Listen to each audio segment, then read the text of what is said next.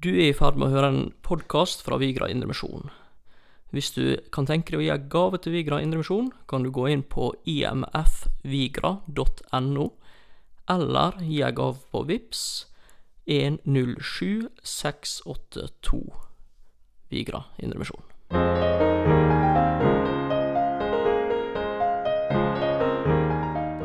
Hei, og velkommen til en ny episode med Markus og Thomas. Yes, Thomas. Hva er det vi skal snakke om i dag? Du, Markus, i dag skal vi snakke om en orkidé. Du skal snakke om fotball. Og så skal vi snakke om domsavsigelser i det egyptiske etterlivet. Helt fantastisk. Jeg gleder meg, og det finner oss i slutten av kapittel 8 i Romerbrevet. Ja, Markus, vi snakka om eh, orkideen din eh, sist gang. Jeg ser er i beste velgående. Ja da. Statusoppdatering på den er at eh, den eh, lever. Og jeg vet ikke om vi skal begynne å gni det inn med Sara at jeg har slått alle rekorder her.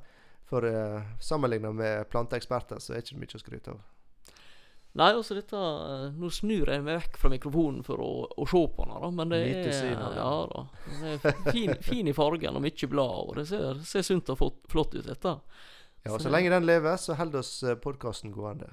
Det, det er det som avgjør det. Litt sånn skjønnheten og udyret tar denne rosa som driver og mister blad. Ja, skal dra mange paralleller her. Nei da. Det oss, eh, men vi skal holde det. Nå er lytterne begynt å, å blitt eh, engasjert her. Så er engasjert og vant med denne planten, ja. så Nei, men det er bra. Men du, Markus, hva, hva skal stå og si? Hva skal stå og si? Ja, det er det Paulus eh, sier i avsnittet eh, i vers 31 i Romerbrevet 8. Hva skal vi da si til dette? Og eh, det han refererer til her, det er alt vi snakker om eh, fram til nå. Det er håp og det er lidelse i ei salig røre. Det er det. Og det handler om eh, Guds vilje, altså velge Guds vei, sjøl om det koster. Og det Han har tatt mange eksempler. Han drøger mye fram og tilbake. Og så han snakka om hvordan ånda går i forbønn for oss, med sukk som ikke kan rommes med ord.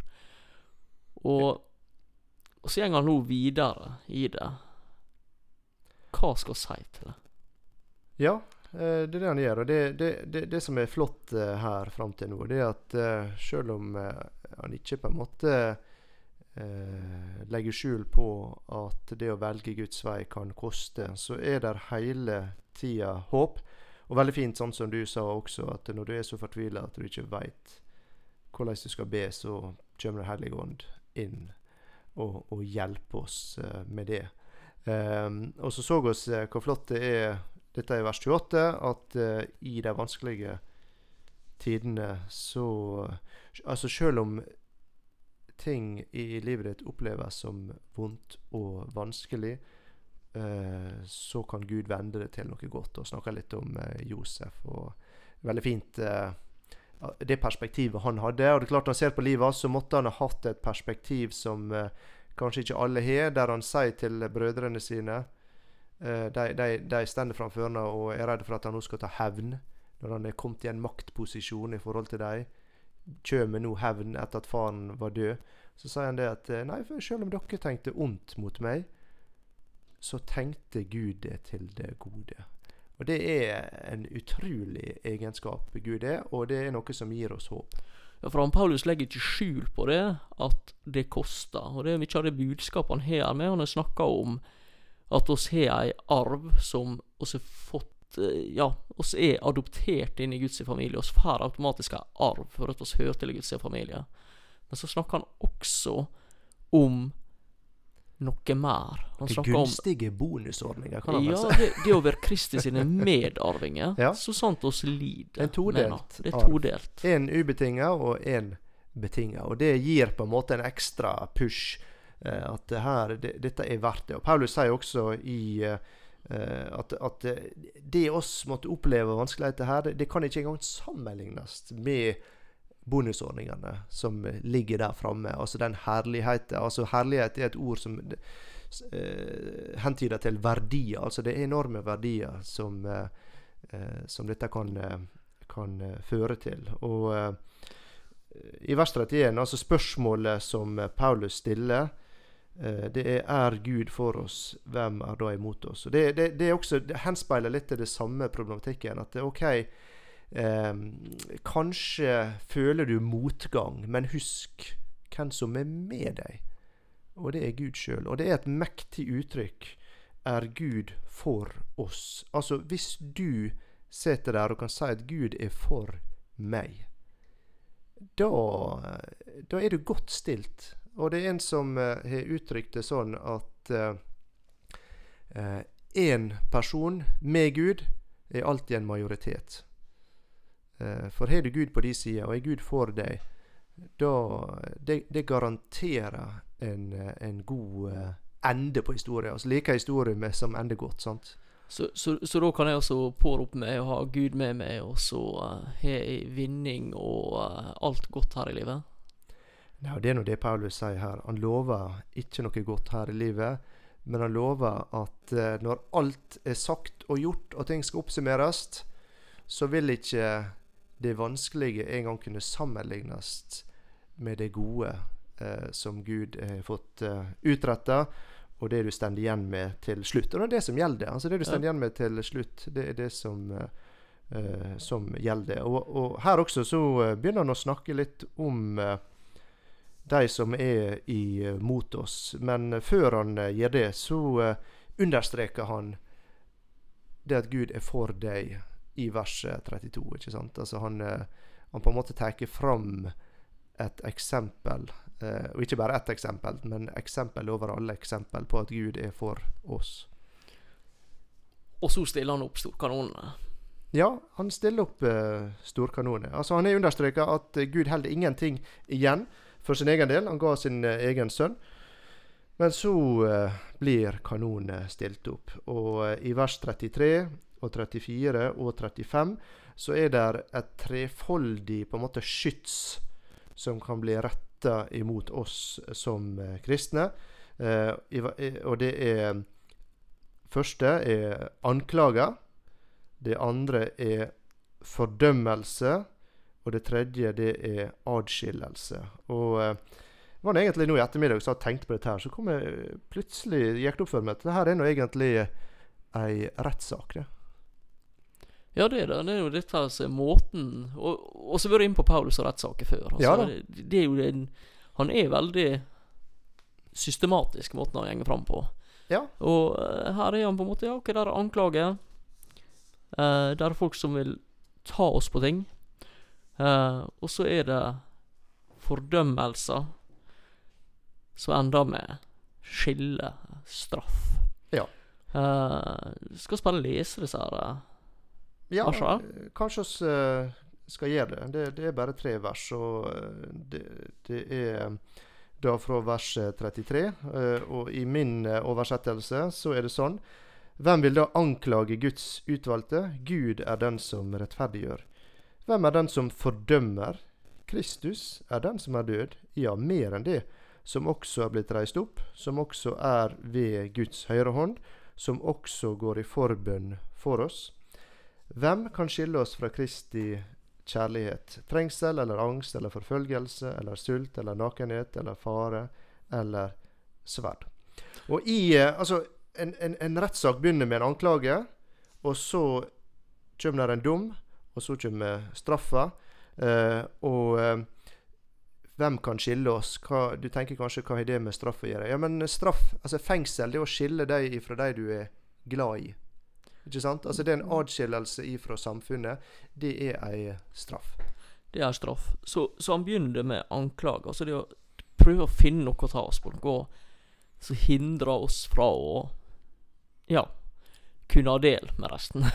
ja da, og, og, kunne, kunne, få det oss uh, ja. Og anklage skal liksom det, det, å stille spørsmålstegn ved Er du en rettskaffen? Er du en mm. rettferdig person? Og hva er hva er svaret på, på den delen av rettssaken?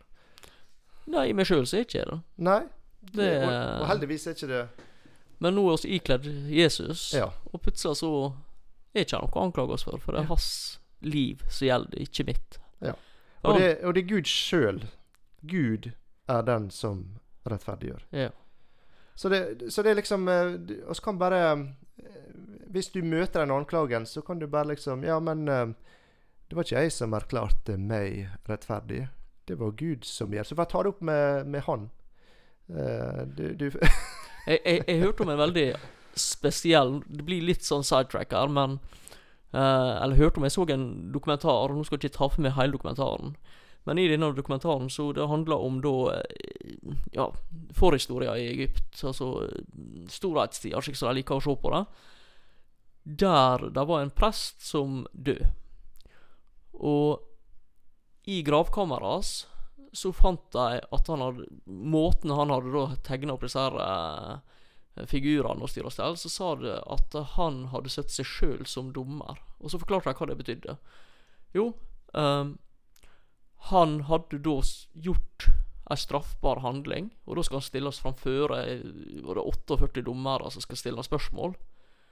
Uh, og hvis han da fikk spørsmålet har du stjålet, så hadde han da plassert seg gjennom disse her figurene sine. Plassert seg som den dommeren som skulle avgjøre om han var rettferdig eller ikke rettferdig.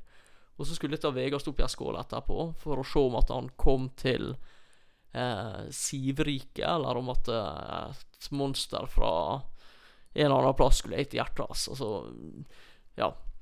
Så han hadde satt seg inn der som dommer. Men her har oss Gud som dommer. Jeg kan ikke tre inn. Jeg kan ikke si at ja, jeg er rettferdig. Men Gud, gjennom Jesus, har rettferdiggjort oss. Det Ja, det, det, det er interessant det du sier det, da. For det Gud som sier du er rettferdig, det er faktisk han som skal ha den endelige dommen. Altså dommen sjøl. Så konklusjonen i eh, dommen sitt eh, sinn er allerede eh, tatt og, og, og slutta. Eh, og, og så i, i fase to, da, det er dommen, eller fordømme. Og, og, og her kan det se ut som at eh, de som anklager, de eh, bryr ikke seg egentlig om det er noe hold i disse anklagene. De går bare rett videre eh, på, på dommen. Du er forhåndsdømt. Eh, og da eh, er svaret som Paulus tar fram, det er Kristus. Der er Kristus. Så det har gått fra Gud, far, i den første, dommen, og så er det Kristus. Og han er, han er frelseren, ikke sant? Så da eh, det, det, det er han som er død. Altså, dommen tok han på seg.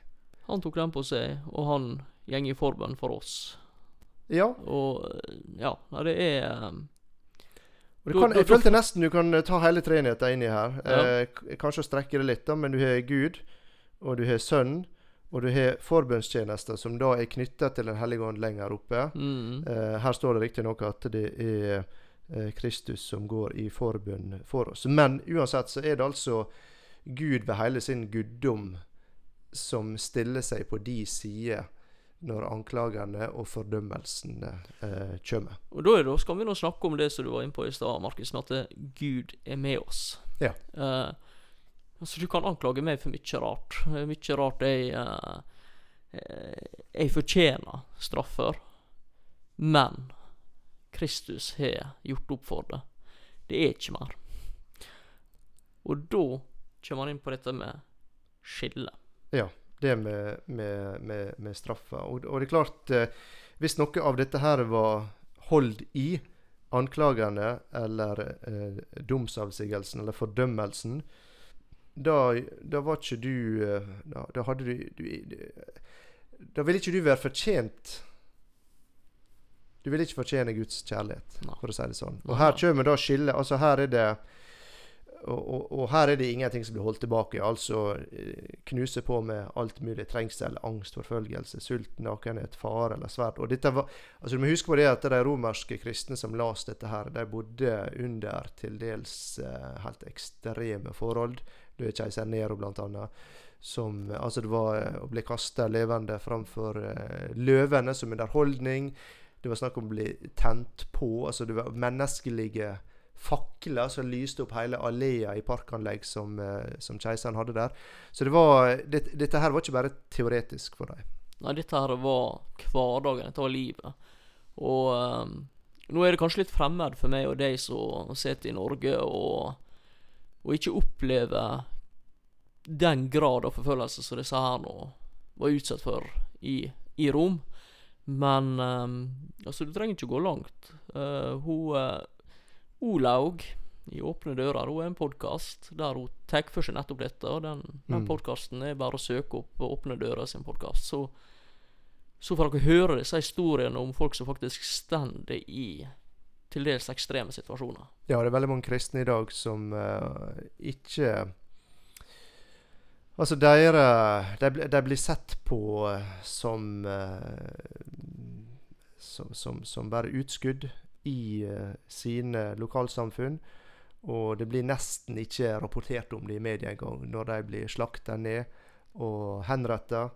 Og i vers 36 som skrevet står, for din skyld drepes vi hele dagen, vi blir regnet som slaktefår. Altså her er det personer som, eh, som blir sett på som eh, så verdiløse at de kan bare slaktes eh, ned. Og det, altså det, det er verdien som en har i verden sine øyne, mens i Gud sine øyne så har du så stor verdi at han ikke sparte sin egen sønn. Og det er det som gir oss dette her håpet. Ja. Det er her vi ser håpet vi kan knytte alt til. Det håpet som er omtalt i vers 24. Eh, det som vi ikke kan se, men som vi lengter etter. Og det er det som blir på en måte tydeliggjort her. Um, Ja da, det, det er helt klart. Det, det, av og til kan du, og spesielt som kristen, altså hvis du skal prøve å framholde kristne verdier, kristne sannheter i dagens samfunn, så blir du på en måte ikke du, du du blir ikke akkurat lagt vekt på dine argument. Altså du kan bli, oppleve å bli totalt uh, oversett. Og om du kanskje har hatt en viss anseelse før det, med en gang du kommer ut med ei gudstro eller noe sånt, så kan du gå ifra På engelsk er det 'hero to zero'. Altså veldig kjapt. Og det gjelder egentlig ikke bare blant kristne. Altså den menneskel... Den, den affekten, den kjærligheten som verden tilbyr, den er veldig flyktig. Og du kan bli upopulær på et eh, øyeblikk. Og eh, jeg må ta litt fotball igjen, da. Det var en nyhet i dag om han eh, Solskjær. Altså Det er ikke så lenge siden han hadde en enorm seier der han spilte mot eh, PSG, et, et lag i hovedstadslaget i, Paris, da, Frankrike. Og det, han ble genierklært. Og det er kanskje en eller to uker siden. Det er ikke lenge siden. Og nå er det bare snakk om at han må ut. Det er snakk om han blir erstatta, får sparken. Eh, og sånn og Av og til lurer jeg på hvorfor er oss Hvorfor lengter vi sånn etter den kjærligheten som verden tilbyr, den anseelsen som verden tilbyr, som er så flyktig? Selv som kristne så er det veldig lett å ønske den. Men din verdi i verden øyne er, er kun avhengig av den eh, nytta du har, din popularitet, ordene dine. eh, og eh, Guds kjærlighet, den er garantert. Så da må vi velge da, verdenskjærlighet eller gudskjærlighet. En kjærlighet som kan være der ene øyeblikket, borte det andre, eller gudskjærlighet som er garantert. Ja, og dette altså, i, sånn, I teorien så høres det ut som et ganske enkelt valg. Men i praksis så merker jo oss alle at dette her er ikke enkelt. Og eh, for meg som Jeg, jeg veit hva en Solskjær er, men alt dette andre du snakker om, det eh, er fremmed for meg. Men eh, jeg tenker altså For øvrig så er jo blogger og Instagram ganske fremmed for meg med, men det jeg ser av nyhetene, er på en måte det at folk kan ha kjempemange følgere. Og så sier de en ting feil eller gjør noe litt upopulært, og så plutselig så raser flere millioner følgere av. Ja. Så tenker jeg at ja, OK um, Sånn er ikke det med denne kjærligheten som oss Overhodet ikke. kan få lov å ha del i. Ja.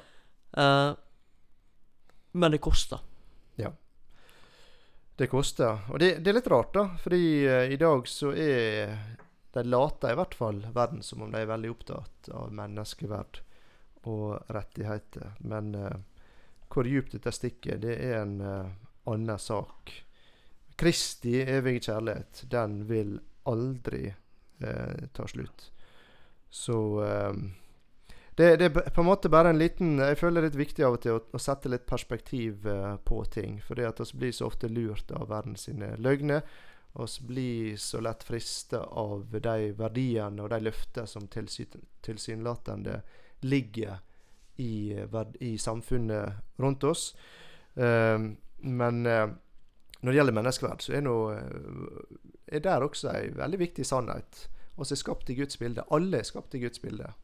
Jeg, kom på en historie som kan være greit å dra fram her, og det er den rike mannen Lasarus. Ja. I den fortellinga så er det ganske tydelig at den rike mannen, han Han trodde han var hovedrolla eh, i denne historien historia. Altså, kan hende han hadde lagt merke til en Lasarus. Kan hende Lasarus var en han anså som en, en birolle. Men han var i hvert fall ikke viktig. Og så når vi får se det i Guds øyne, så var det Lasarus som var hovedrolla der. Mm. Og det viser hvor ulikt Guds syn på det som skjer, er vårt syn på det. Ja. Og det er ikke det at den rike mannen ikke var mer verdt Nei, ikke det at den, rike mannen var mindre verdt enn Lasarus, det er ikke det jeg sier. Men i menneskelig syn Så var det. så var han det, Ja. rett og I slett. anseelse, status. Absolutt.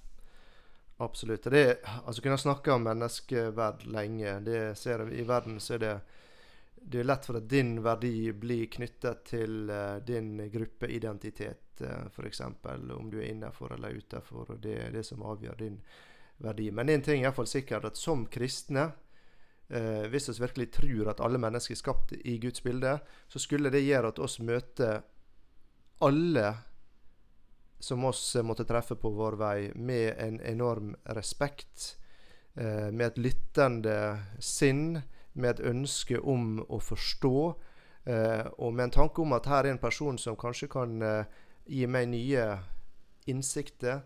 Uh, det, og det betyr ikke at oss skal være enige med alle, det er helt umulig, og det skal oss heller ikke, men respekten skal være der. Og egentlig det at oss er skapt i Guds bilde, det løser egentlig veldig mange problem uh, for oss. Også både når det gjelder rasisme og homofobi og alle sånne ting. Det, det løser egentlig opp uh, slike ting, fordi at vi skal møte alle med respekt, og med, med tanke på at dette her er en person som har uendelig stor verdi i Guds øyne. Ja, og personen i Guds øyne er ikke personen sine eh, mening, personen sitt ytre personen sitt sin prestisje. Nei. Nei. Det er ikke knyttet til ytre ting. det er ikke knytta til det i det hele tatt. Det er det som er på innsida.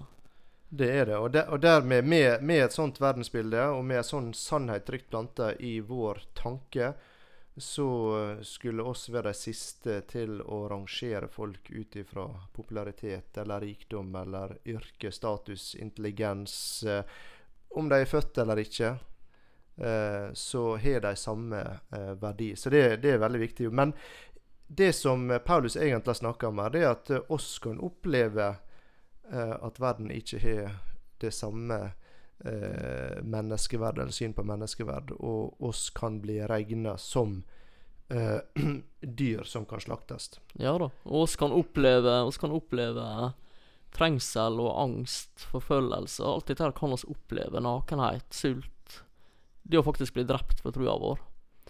Eh, men i alt dette, fortsetter han, 37, så vinner oss mer enn seier ved Han som elsker oss. Og der er ordet 'i' litt viktig, spesielt med tanke på det du nevnte tidlig i podkasten. Vi blir ikke lovd å bli tatt ut av dette, men i disse vanskelige omstendighetene så er det mulig I disse omstendighetene så er det mulig å vinne mer enn en, enn, eh, seier. Og det er et interessant uttrykk. Det er et interessant uttrykk.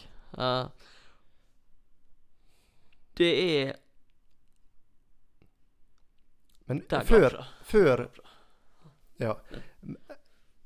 Før oss går inn på det, så eh, er det en annen parallell jeg har lyst til å trekke når, med tanke på denne rettssaken. Vi nevnte det at eh, oss blir anklaga, oss blir fordømt, og oss blir eh, skilt, eller det er et forsøk eh, på det. da. Men Paulus understreker her at oss ikke kan bli skilt eh, fra Kristi kjærlighet. Eh, for Jesus også gikk gjennom en rettssak. Han ble eh, anklaga. Det var falske og helt ville anklager. Bortsett fra anklagen om at han var Guds sønn, noe som var sant. Eh, og han ble fordømt. Og han ble skilt.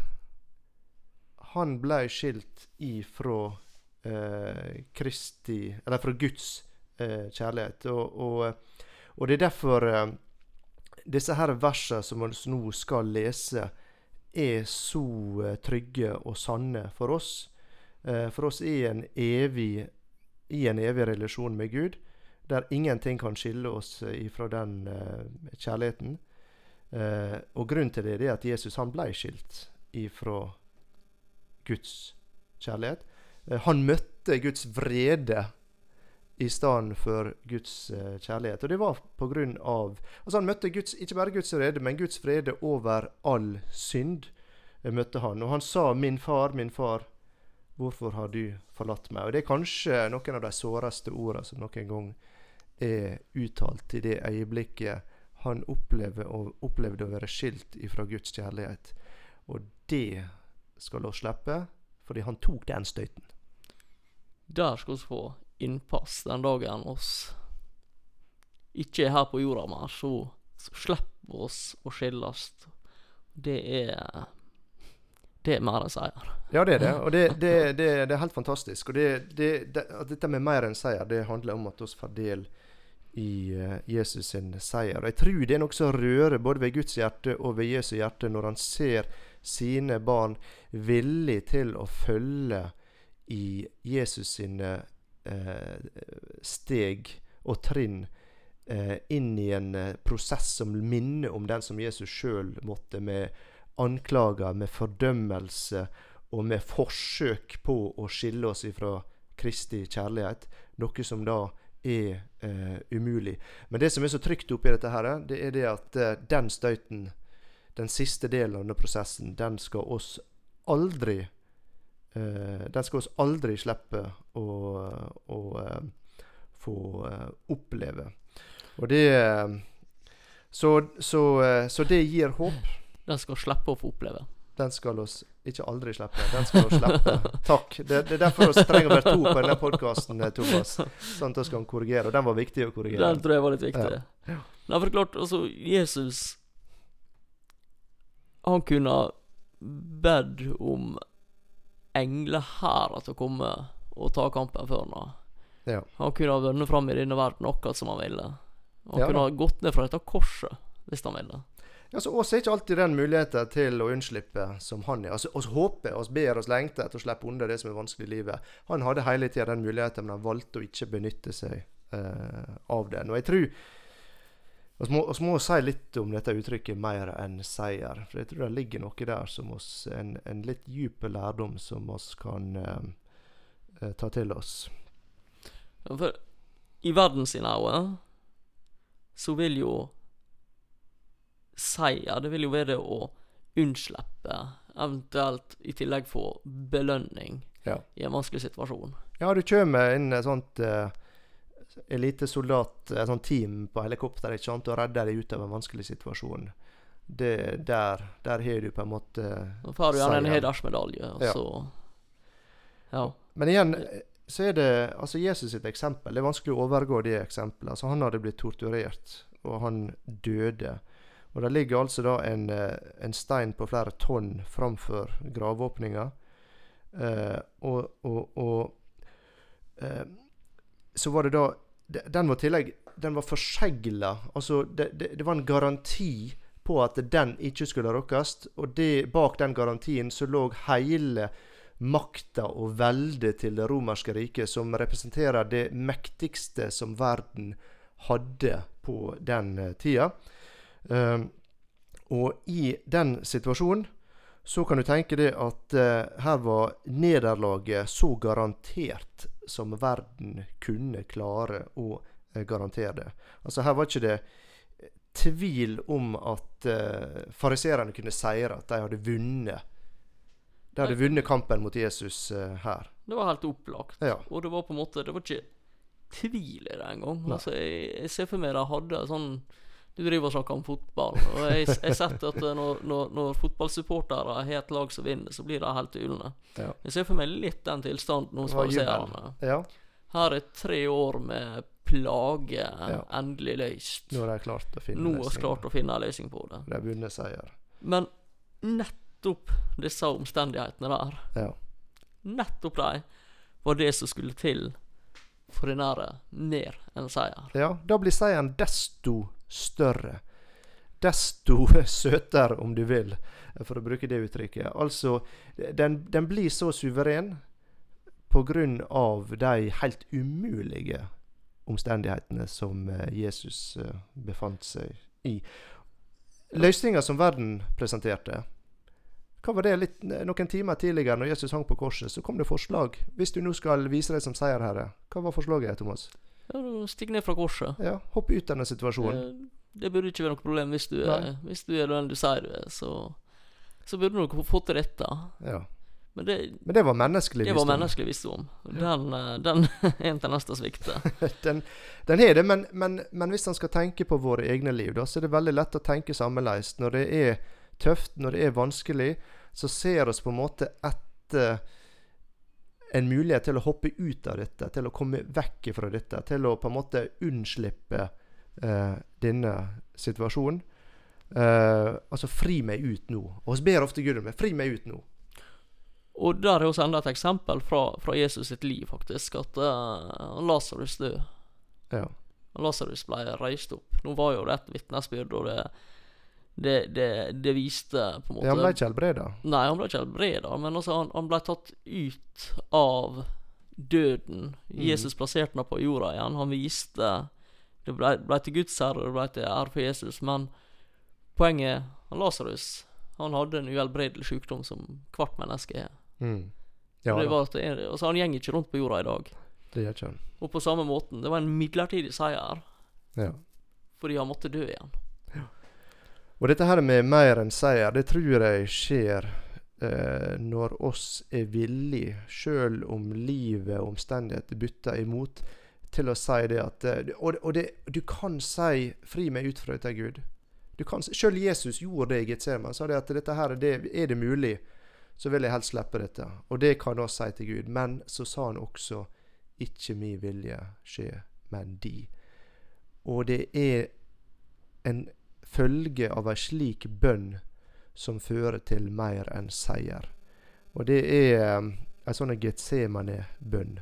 Og det er en moden kristen. Altså snakker om en prosess med modning eh, i kapittel 8. Og det å kunne uttale ei sånn bønn når ting er vanskelige, det er da du får mer enn seier. Det er klart, de fleste av oss vil ha et ønske. så er du sjuk, du ønsker helbredelse. Opplever du trengsel, ja, du vil helst ut av situasjonen. Har du for lite penger, så eh, er det trasig. Eh, men det er Dette er her og nå. Dette er ei ørlita tid Mm. opp imot evigheten. Ja, det er det. Og det er kanskje du, du, du tar valg eh, i livet ditt som handler om prioriteringer i forhold til Guds rikes arbeid, som gjør at du kanskje sitter igjen med, med, med mindre penger. Det kan være vanskelig. Og det, det, det er ikke likt for alle. Altså det, noen kan ha rikelig med penger, og det trenger ikke å være noe gale med det. Men det er konsekvenser eh, du opplever som følge av at du velger Guds vilje i stedet for en, en lett eh, utvei. Og det er viktig å ta med det her at eh, Gud han er ikke noe som noe mål om å plage oss mest mulig. Og i vers 37, det er nesten som eh, Paulus eh, kommer oss litt i forkjøpet. Han sier men i alt dette, altså i alle disse her vanskelighetene, vinner vi mer enn seier ved Ham som elsket oss. Altså du er elska. Alt som skjer i ditt liv som følge av Guds vilje, det er som følge av Guds kjærlighet. Han vil deg ditt beste. Eh, og det vil oss en dag se eh, svaret på. For det er ikke alltid oss forstår det her. Nei, altså det, det er igjen dette her med relasjon. Oss er i relasjon med Gud, oss har en far som elsker oss og vil oss det beste, som gir oss det beste. Selv om det ikke alltid er like enkelt for oss å se det. Og han lover deg det, at det er verdt det. Mm. Det er verdt det. Og det, det, det samme må vi gjøre med, av og til med ungene våre når ting er vanskelige. At, å si det at OK, det er litt tøft nå, men du, en dag vil du se denne innsatsen du gjør nå, det er verdt det. Du vil en dag se tilbake.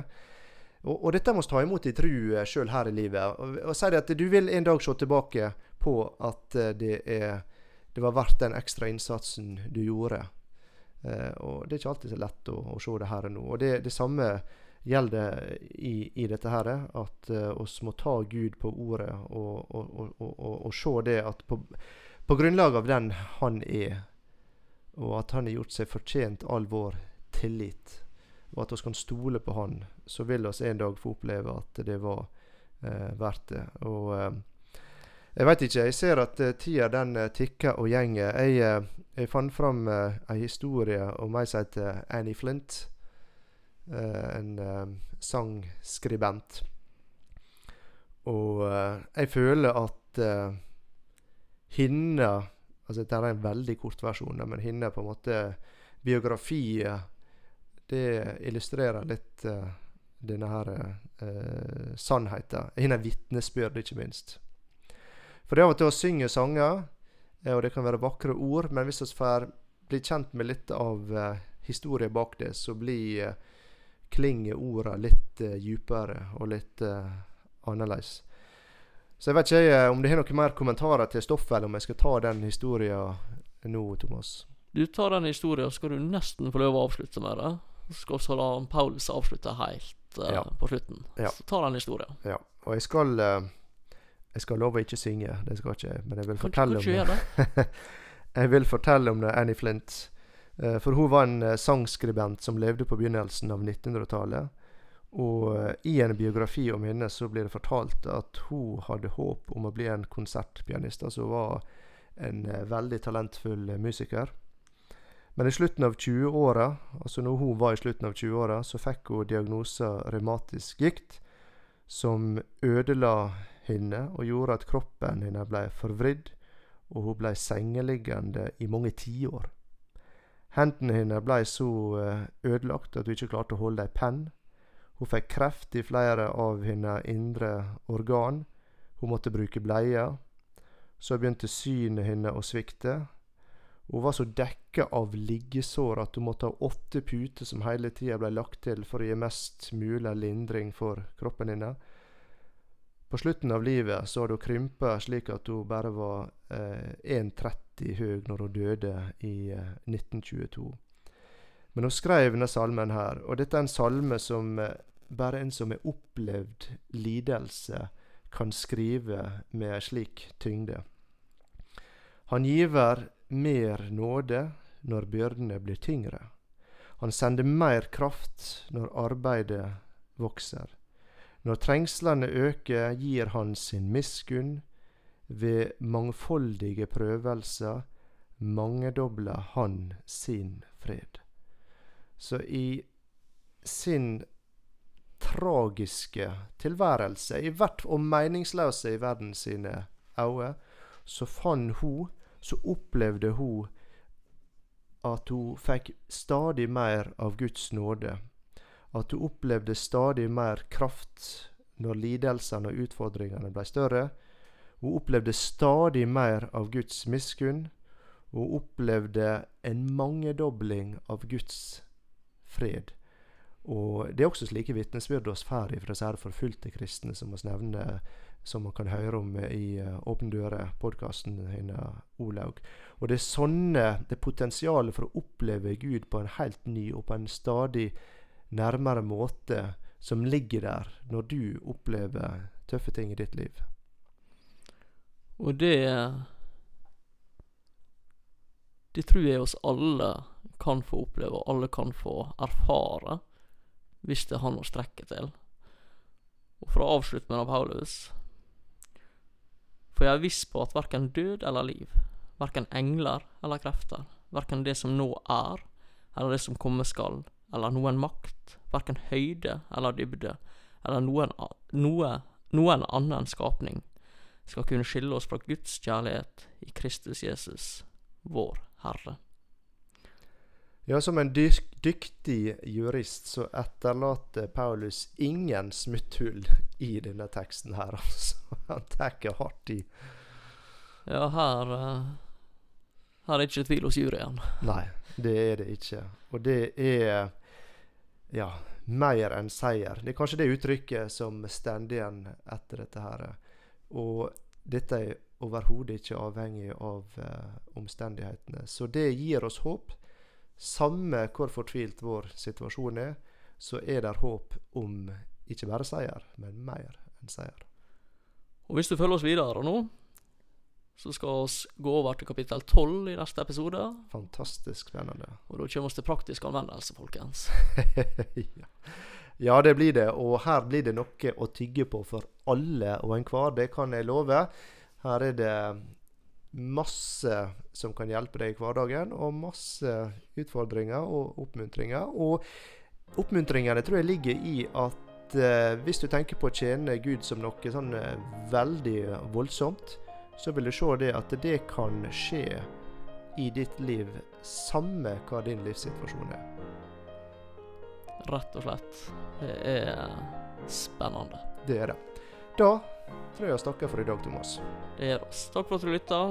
Kom gjerne med tilbakemeldinger, og del gjerne videre.